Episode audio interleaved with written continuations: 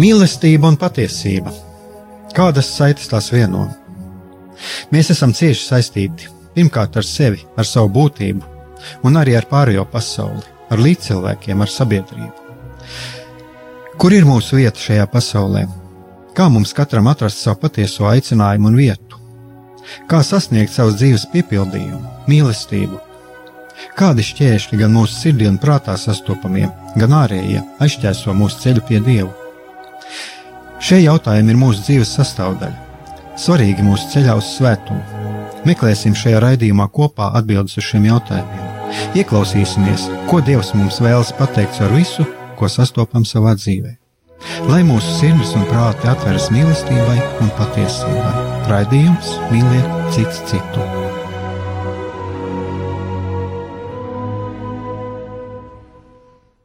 Kristus ir augšām cēlies. Esiet sveicināti, darbie radioklausītāji! Šis ir raidījums Mīliet cits citu. Studijā esmu es, Aigars Brikmanis, un es domāju, ka šis raidījums arī savā ziņā parādīs to, ko nozīmē mīlestība un kādā veidā mīlestība satiekas ar patiesību, un varbūt arī par to, ka mīlestības patiesības nav iespējama.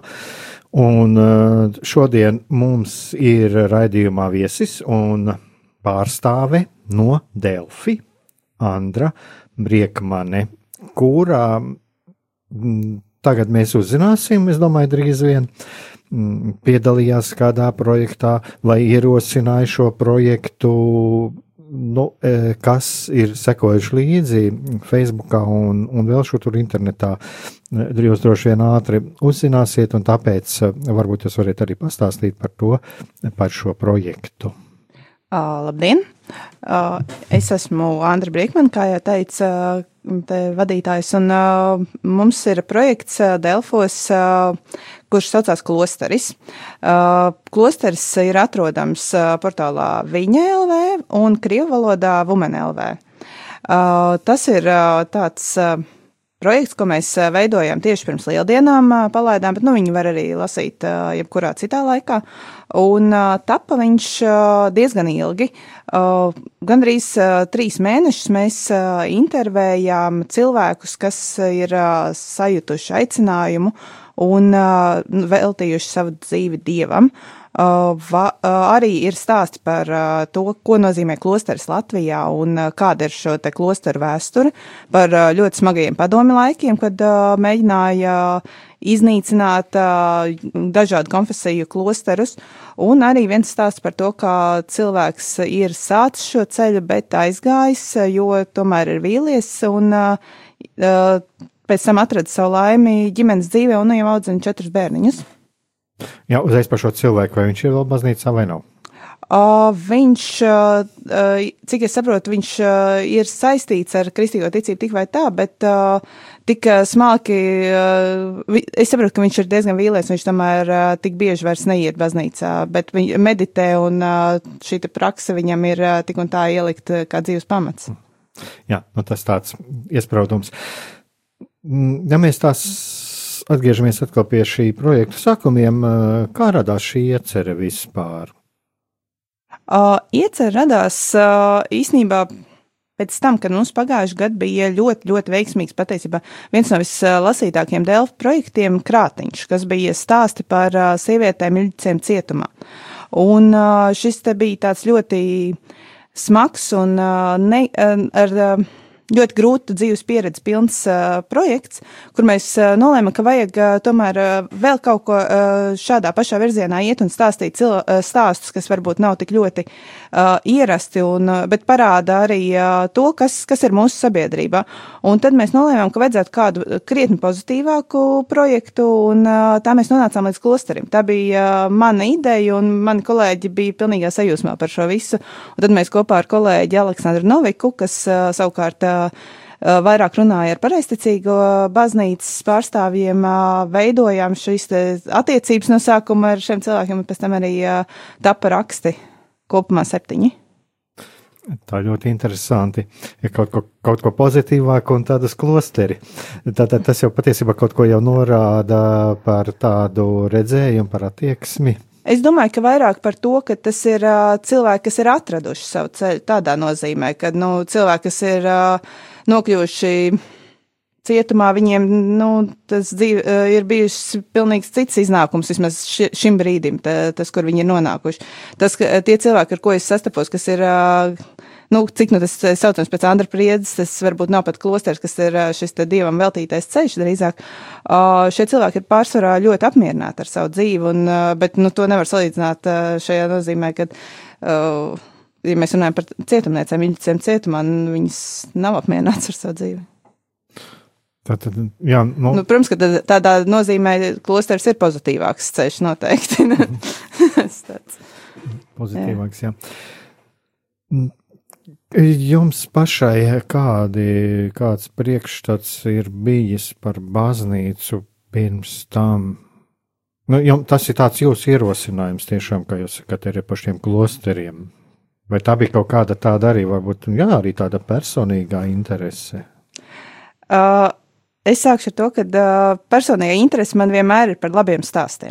Es esmu savā dziļākajā būtībā žurnālists, un man patīk uh, stāsti, kas ir uh, netradicionāli, kas ir uh, dzīvīgi, kas ir interesanti, un kas man arī nav pašai īpaši zināmi. Uh, lai man būtu pašai interesanti, jo, nu, priekš kam tad vispār kaut ko darīt, ja tev nav pašam interesanti. Un šajā nozīmē man noteikti bija interesanti runāt ar cilvēkiem, kas ir. Uh, piedzīvojuši pilnīgi citu dzīvi, eh, dzīves ceļu eh, un eh, citus notikumus, nekā tas ir bijis manā dzīvē, un tāpēc man tas bija ļoti interesanti ar viņiem runāt. Ja jūs prasat par saistību ar baznīcu, tad man tā nav praktiski nekāda. Tādēļ, manuprāt, tas bija ļoti veiksmīgs cilvēks, kam šo visu rakstīt, jo es ļoti objektīvi varēju paskatīties no malas. Jā, tieši objektīvi tā tad arī, jā, nu, ir ļoti labi tā, arī, mm, es domāju, ka tas ir viens tāds ļoti labs vērtējums, ka varbūt tā lielākā problēma ir tā, ka cilvēki bieži vien mm, rakstā, runā no kaut kādas subjektīvās pozīcijas, bet jūs runājat tieši par tādu tā, objektīvu, ka jūs tā kā no malas paskatāties, un, un jums nav tāda personīgā ieinteresētība. Nē, man personīgā ieinteresētība bija tikai tik, lai šis stāsts būtu dzīves, patiess un interesants, kā jau tas ir jebkuram žurnālistam, kam gribās atainot savu varoni tieši tādu, kāds viņš ir nepieliekot uh, neko no, cenšoties nepielikt no sevis, cik nu mēs to vispār spējam kā cilvēki. Bet, principā, jā, es centos uh, ieklausīties tajā, ko viņš, uh, ko mans varonis saka, nevis uh, to, kas ir uh, man dzīves pieredze, bet parādīt tieši to, ko, to, kas ir viņa pieredze un stāsts. Un man liekas, šie cilvēku stāsts, tas ir tas vērtīgākais šajā projektā.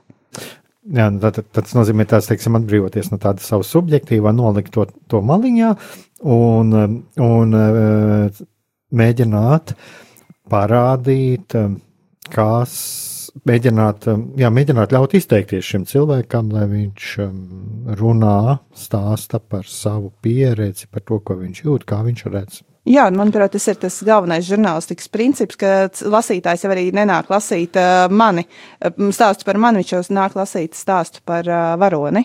Tādēļ arī tas eh, man ir jāspēj paiet maliņā un parādīt pēc iespējas objektīvi un pēc iespējas eh, krāsaini un skaisti to eh, cilvēku, par ko es stāstu. Jā, tā tad, jā, tā tad pēc iespējas parādīt objektīvi. Nu, domāju, tagad arī paņemsim kādu muzikālu pauzīti, un tad, tad varēsim turpināt šo mūsu sarunu. Labi. Man.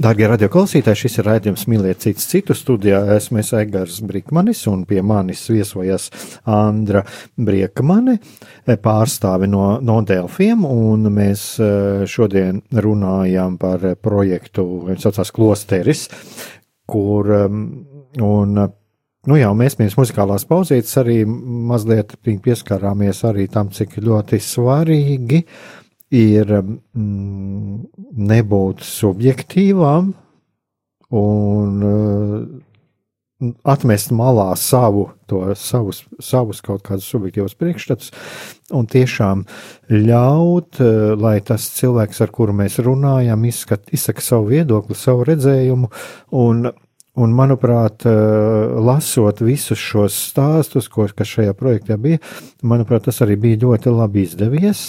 Un mēs arī te muzik, jā, muzikālās pauzes laikā runājam par to, ka, ka tas bija viens tāds, viens tāds ļoti pozitīvs projekts, jo, jo šeit jau būtībā tika arī atspoguļota tā, es pat teiktu, tā dzīvā baznīca, tāda kaut daļiņa no šīs baznīcas, nu, kādu mēs viņu vēlētos redzēt, un, un tur varēja redzēt tiešām šos dzīvos cilvēkus, kuri bija atraduši savu aicinājumu, kuri dalījās. Uh, nu, tas ir mans priekšstats, un, un es domāju, ka tas tā ļoti pozitīvi bija.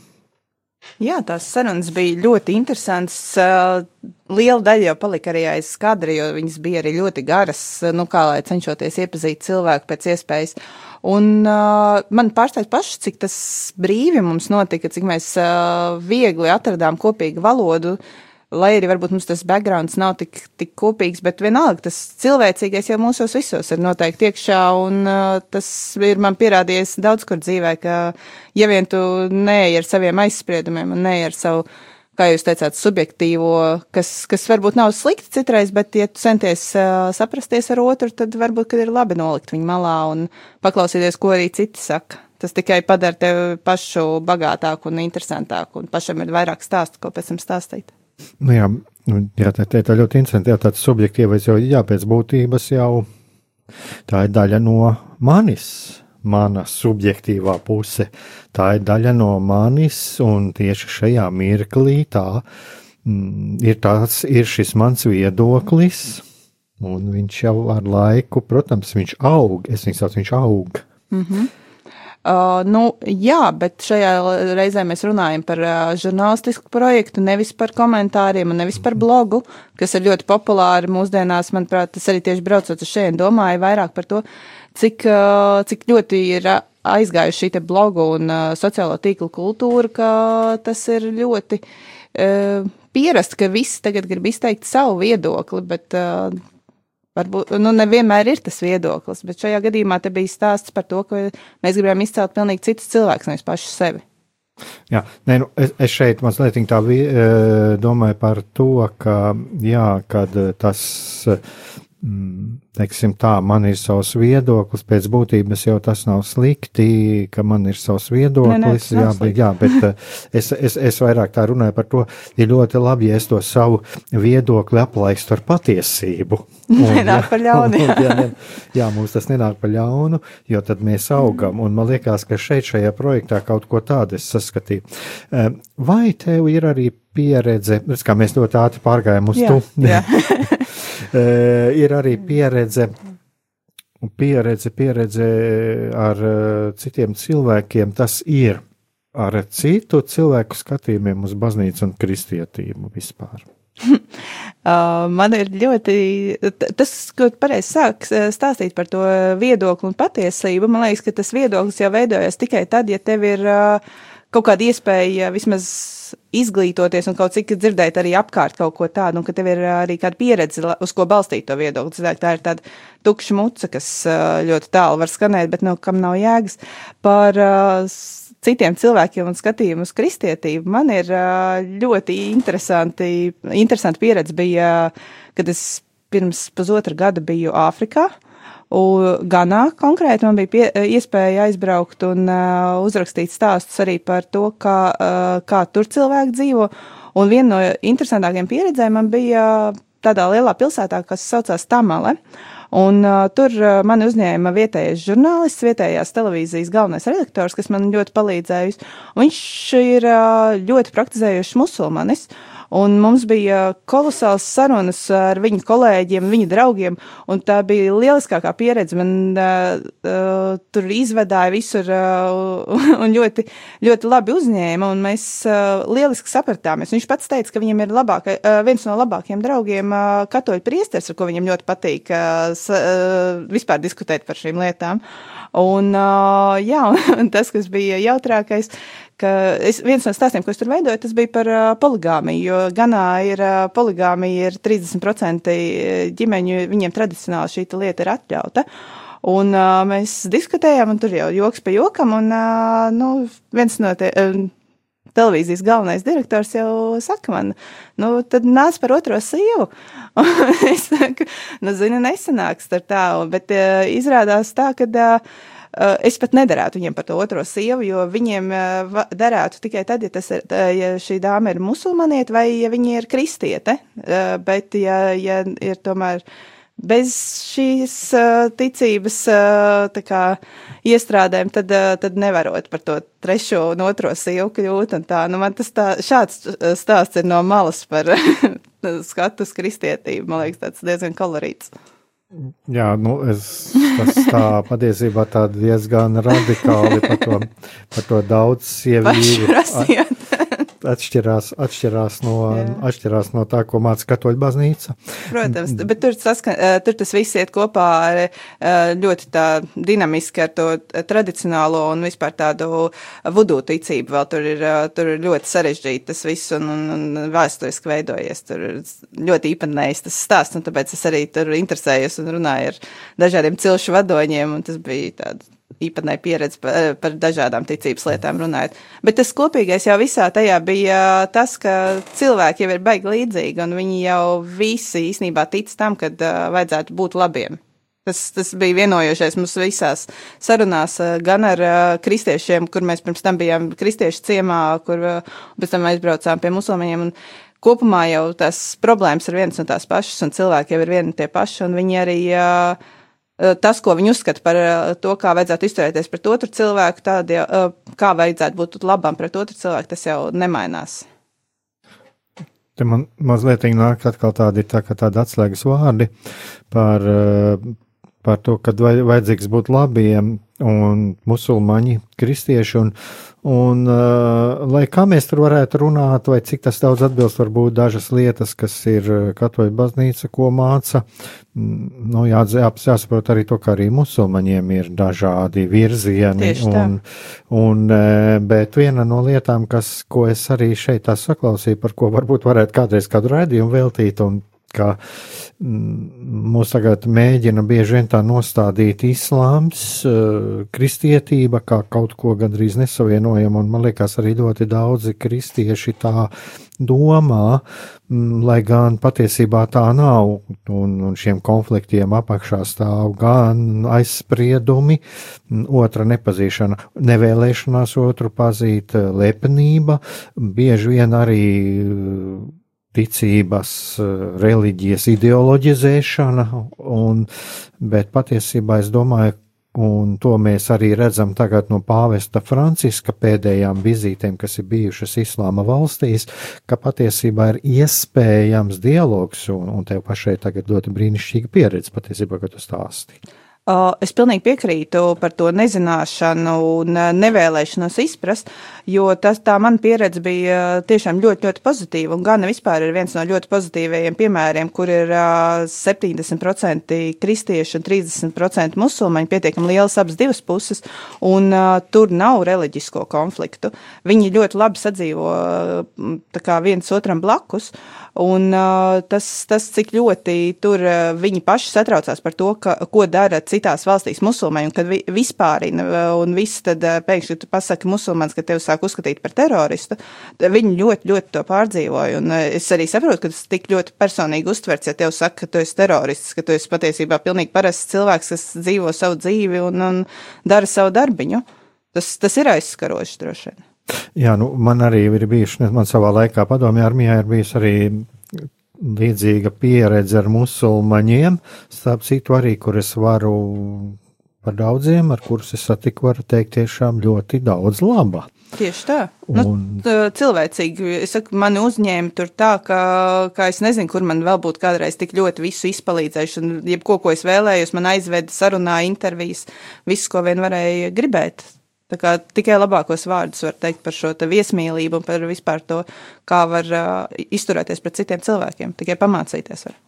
Jā, es arī esmu kādreiz aizdomājies par to, par šiem terora aktiem, un, un tā, un tad es esmu arī domājis, jā, tiešām kā jūtās daudzi musulmaņi, kuri nav saistīta ar šīm lietām. Bet es domāju, ka šeit mēs varētu runāt arī par, par kristiešiem, tad, kad kaut kas tiek izdarīts kristietības vārdā, un, un, un tad es domāju, ka arī ir, nu, ir tomēr arī bieži vien šīs e, kauna sajūta un, un nepatīkami. Es domāju, ka katram tas tā, tā ir. Es jūtos kaut kam piederīgs, uh, es vēlos, vēlos, lai ar mums būtu viss kārtībā, un lai, lai mūsu ticība arī netiktu apkaunota. Un es pateiktu, tā kā arī pāvests runā, jā, neapvainot Dievu, neapvainot Dievu ar, ar šādiem, ar kādu ļaunu darbu.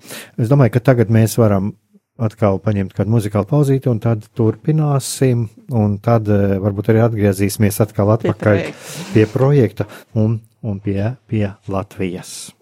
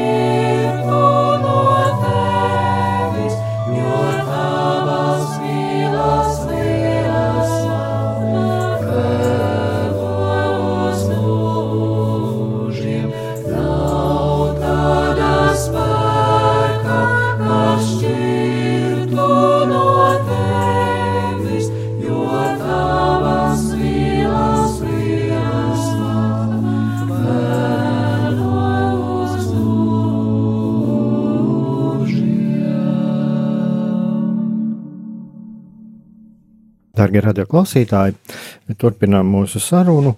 Turpinām sarunu ar Andru Briekmani, pārstāvi no Delfiem. Un mēs te pirms muzikālās pauzītes runājām par, par to, kā ir iespējams, iespējams uh, dialogs, tāds ļoti labs piemērs starp um, musulmaņiem un kristiešiem.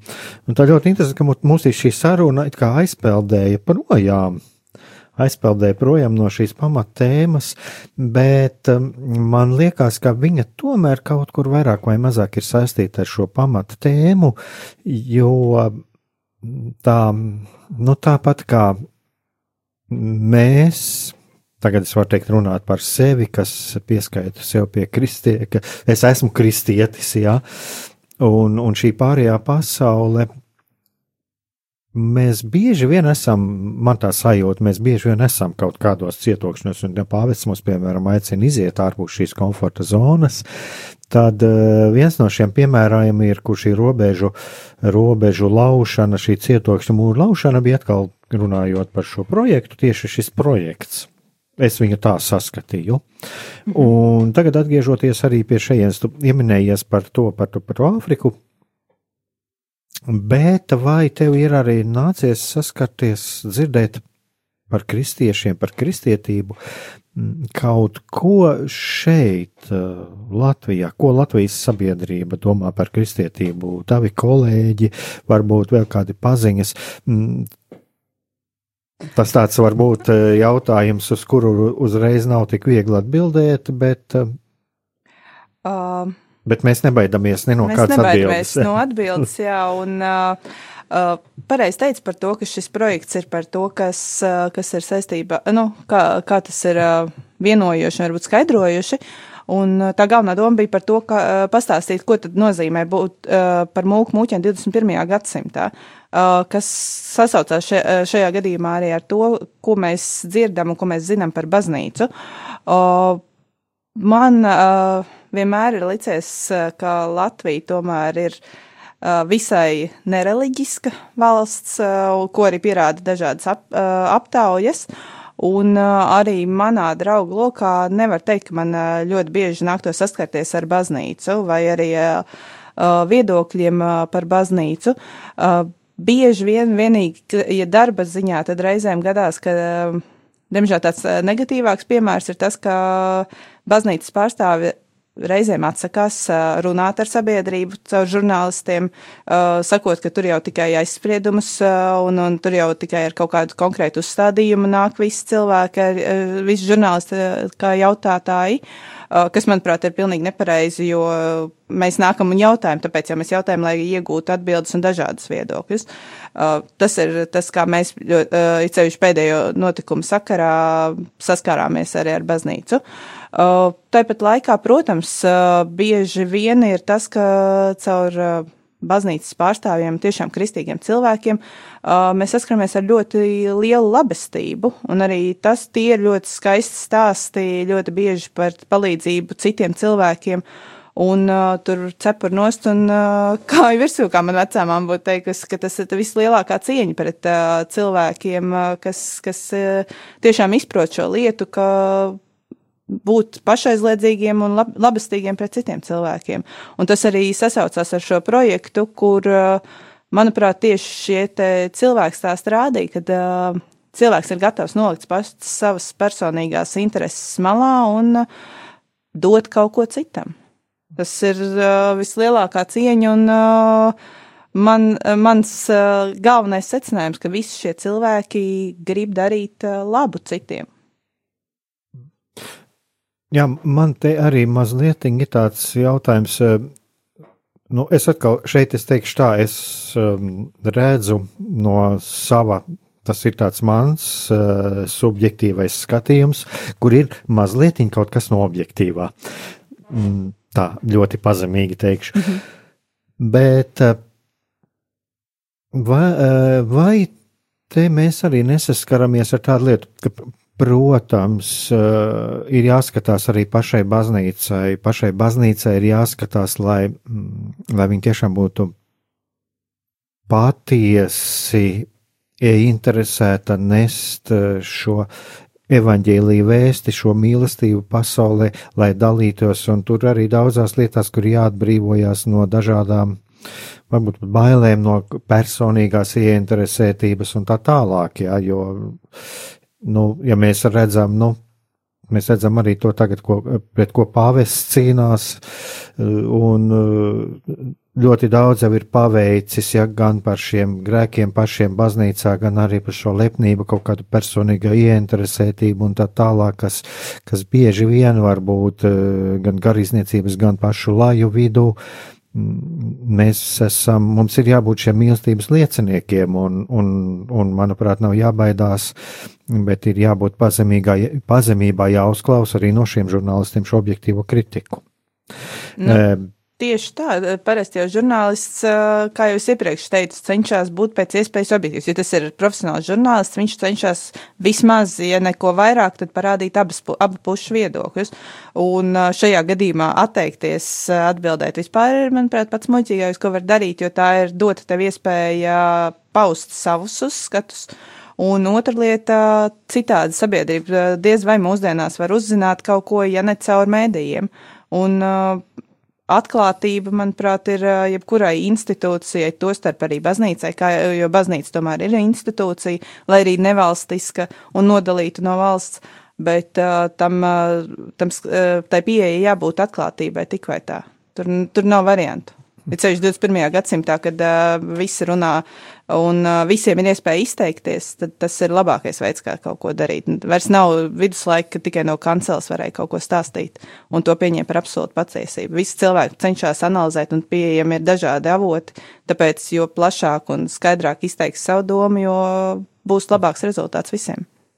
Jā, un tagad es mazliet vēl, vēl vienu pusi paskatīšos mazliet tā No vēl vienas puses, jā, tā kā tagad es, mēs runājam tieši par to, ko no kādas puses varētu baznīca atbildēt, bet arī tādā pašā laikā, vai tomēr nav arī vēl kaut kāds sabiedrības pasūtījums, vai kā, kāpēc es par to runāju? Nu, es esmu dzirdējis šādus arī vārdus par žurnālistikā, kad laba ziņa nav ziņa un slikta ziņa ir ziņa kaut ko tādu, ja, ka, nu, teiksim, mm, tās vēsmas, kas bija pirms pāvesta vizītes uh, Latvijā, uh, protams, būtu vērts papētīt tur pro, mm, proporcionāli, cik tur procentu ir uh, pozitīvo ziņu baznīca, cik tur ir negatīvo, un tad cik tur ir patiesa, cik tur ir izdomājums.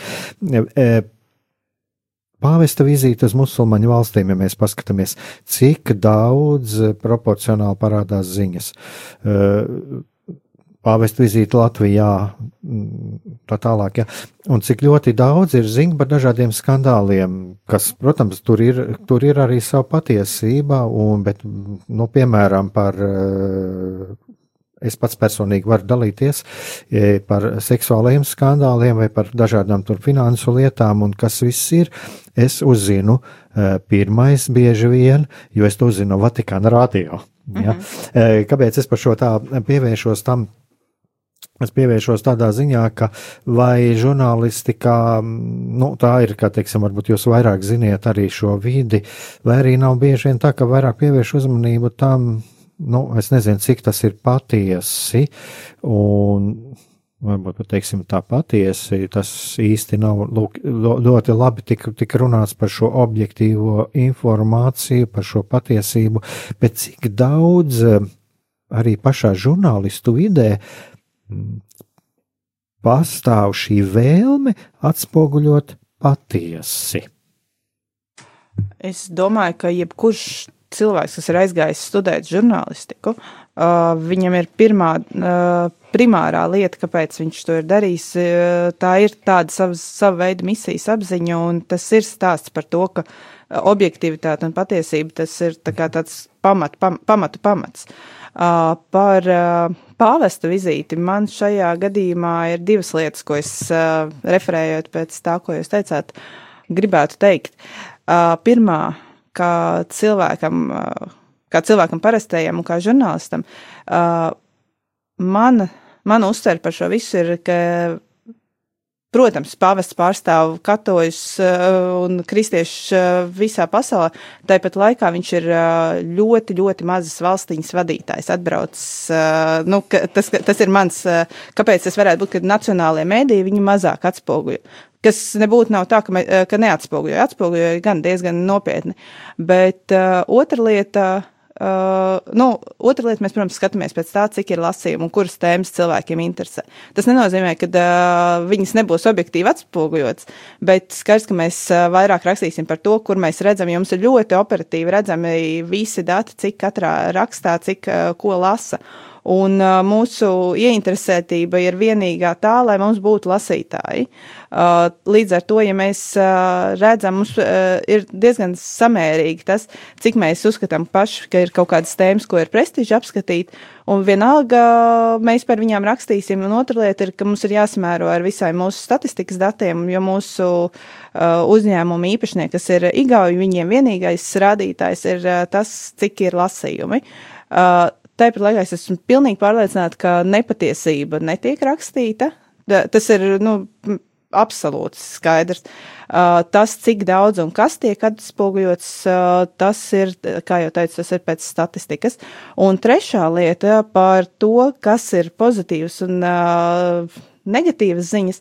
Tas, ka ir uh, negatīvās ziņas, tas nenozīmē, ka viņas būtu nepatiesas, tāpat kā pozitīvās ziņas. Uh, arī tās par katru cenu būt pozitīvam vai par katru cenu būt negatīvam, tā jau nu gan ir slikta tendence. Nu, tas ir mans atreferējums par visu, par visu šo garo tekstu, ko mēs runājam. Jā, nu, es jau kā jau teicu, tas ir, teiksim, te ir mans tāds, subjektīvais viedoklis, tas ir mans mm -hmm. subjektīvais viedoklis, kurš katrā ziņā nav nekāds patiesības rādītājs, jā, es tikai šajā gadījumā izsaku tādu savu redzējumu, bet jāsaka tā, man pašam trūks tāda plašāka priekšstata, jo tad man būtu jāveltī laiks un jāpapēta.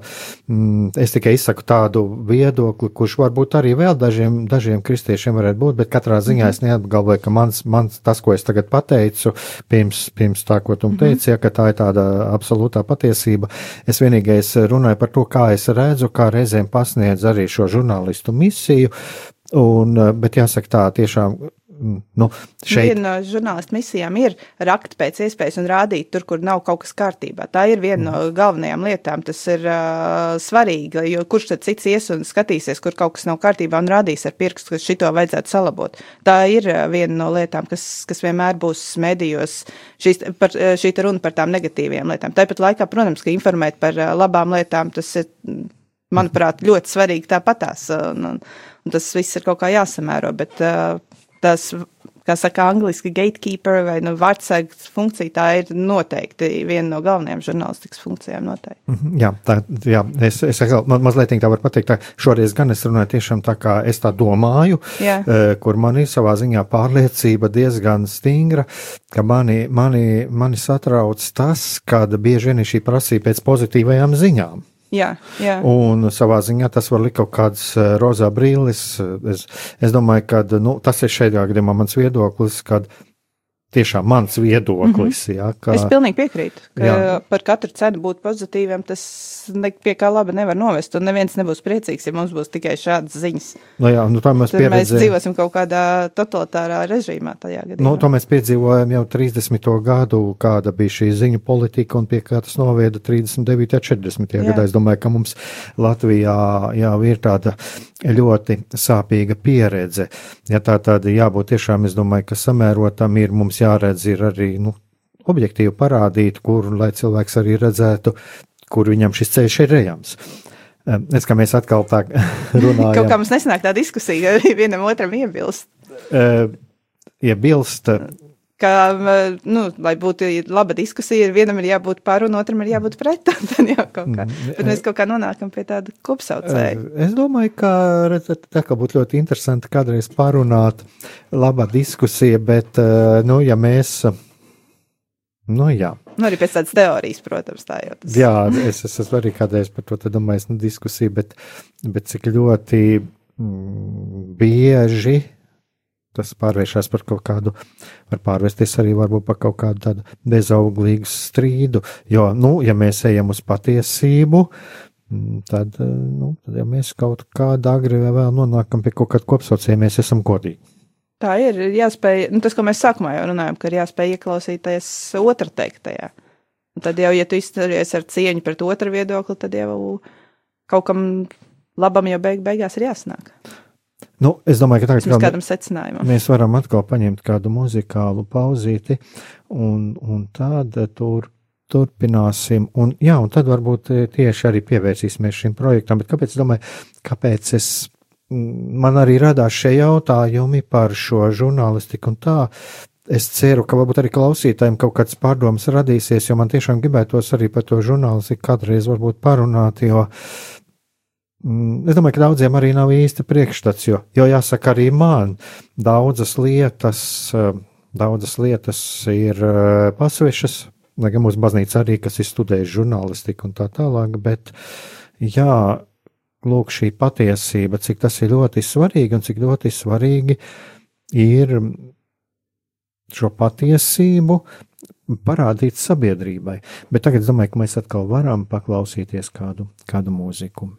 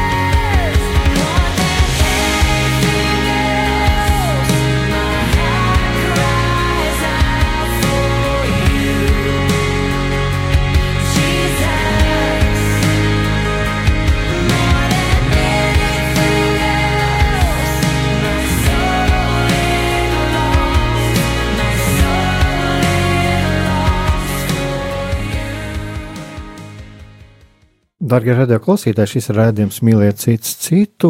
Studijā esmu Egārs Brīsmans un es sarunājos ar Andru Briekmani, pārstāvi no Delfiem. Un, kā mēs mūsu raidījumā sākām par šo projektu, par šo projektu klosteris, tā mums pirms muzikālās pauzes mēs atkal mēs atgriezāmies, mēs kaut kur visu laiku mums iznāk šī saruna par par, par, par dažādām lietām, kas ir saistītas gan ar cilvēku saskarsmi, gan arī ar šo žurnālistiku, žurnālistikas principiem. Es domāju, ka šeit mēs varam runāt par žurnālistu ētiku. Protams. žurnālistu ētiku. Tas ir uh, svarīgi, un uh, otra lieta, ko mēs varbūt ne, nepateicām arī iepriekšējā pauz, pirms uh, muzikālās pauzes, par to, ka žurnālistikas uh, objektivitāte un patiesīgums ir ļoti svarīgi tādēļ, lai būtu izglītoti lasītāji, klausītāji, kopumā sabiedrība, un tas jau ir tas mērķis, kāpēc cilvēki patērē uh, un, un vēlas profesionāls mēdījus. Un, tā ir lieta, un tā ir tā lielāka atbildība un arī kādai ir vajadzīga žurnālista ētika, lai tas tā būtu kvalitatīvs saturs tam visam. Un, manuprāt, ja mēs atgriežamies pie mūsu projekta klosters, tad šis ir kvalitatīvs saturs un tas, kas man priecēja, ka cilvēki ļoti labprāt lasīja to visu, ka šādi te lieli materiāli, plaši ir vajadzīgi, ir vajadzīgi arī internetā, ko man reizēm ir mēģinājuši cilvēki pārliecināt par to, ka internetā jau lasa tikai ļoti īsus, mazus dzeltenus gabaliņus. Uh, nav patiesība, nepiekritīšu nekad tam visam, jo ļoti labi arī tiek lasīti uh, gari, dziļi, mm, interesanti materiāli, ko mēs uh, redzam Delfos. Uh, mums ir arī uh, uh, izklaides materiāli, kas, uh, ja jūs pastītos uh, pēc valodas un arī pēc visiem principiem, atbilst pilnīgi tam pašam, ko mēs runājām iepriekš, bet uh, turpat blakus ir arī lielie mūsu projekti, uh, kur uh, var redzēt uh, ar attiecīgiem statistikas mērīšanas rīkiem, ka cilvēki pavada ļoti ilgu laiku lasot šos materiālus, tas nozīmē, ka viņi iedziļinās. Uh, auditorijai ir uh, interese par to, kas, kas notiek uh, par šādu veidu projektiem, Un mēs turpināsim viņus taisīt tieši tādēļ, ka mēs gribam, lai būtu izglītota sabiedrība. Jā, nu, tieši tā, izglītot sabiedrība.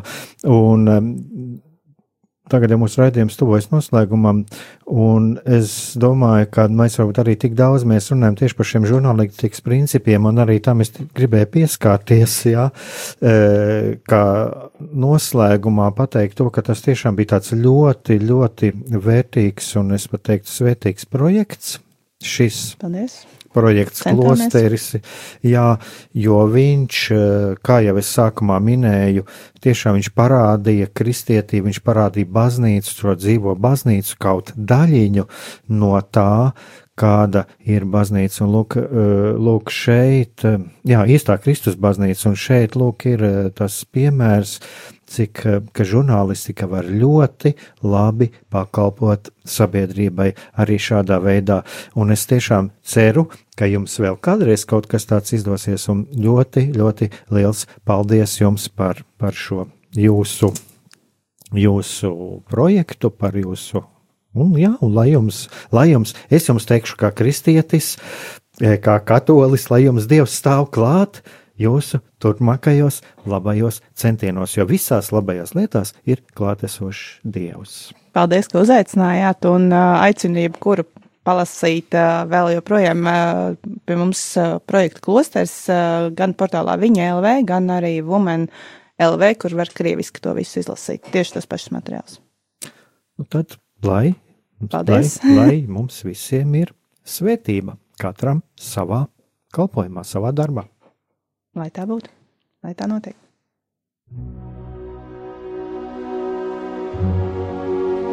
Mīlestība un patiesība. Kādas saites tās vieno? Mēs esam cieši saistīti pirmkārt ar sevi, ar savu būtību, un arī ar pārējo pasauli, ar līdzcilvēkiem, ar sabiedrību. Kur ir mūsu vieta šajā pasaulē? Kā mums katram atrast savu patieso aicinājumu un vietu? Kā sasniegt savas dzīves piepildījumu, mīlestību? Kādi šķēršļi gan mūsu sirdī un prātā sastopamie, gan ārējie aizķēso mūsu ceļu pie Dieva? Šie jautājumi ir mūsu dzīves sastāvdaļa, svarīgi mūsu ceļā uz svētumu. Meklēsim šajā raidījumā kopā atbildes uz šiem jautājumiem. Ieklausīsimies, ko Dievs mums vēlas pateikt ar visu, ko sastopam savā dzīvē. Lai mūsu sirds un prāti atveras mīlestībai un patiesībai, raidījums mīliet citu citu.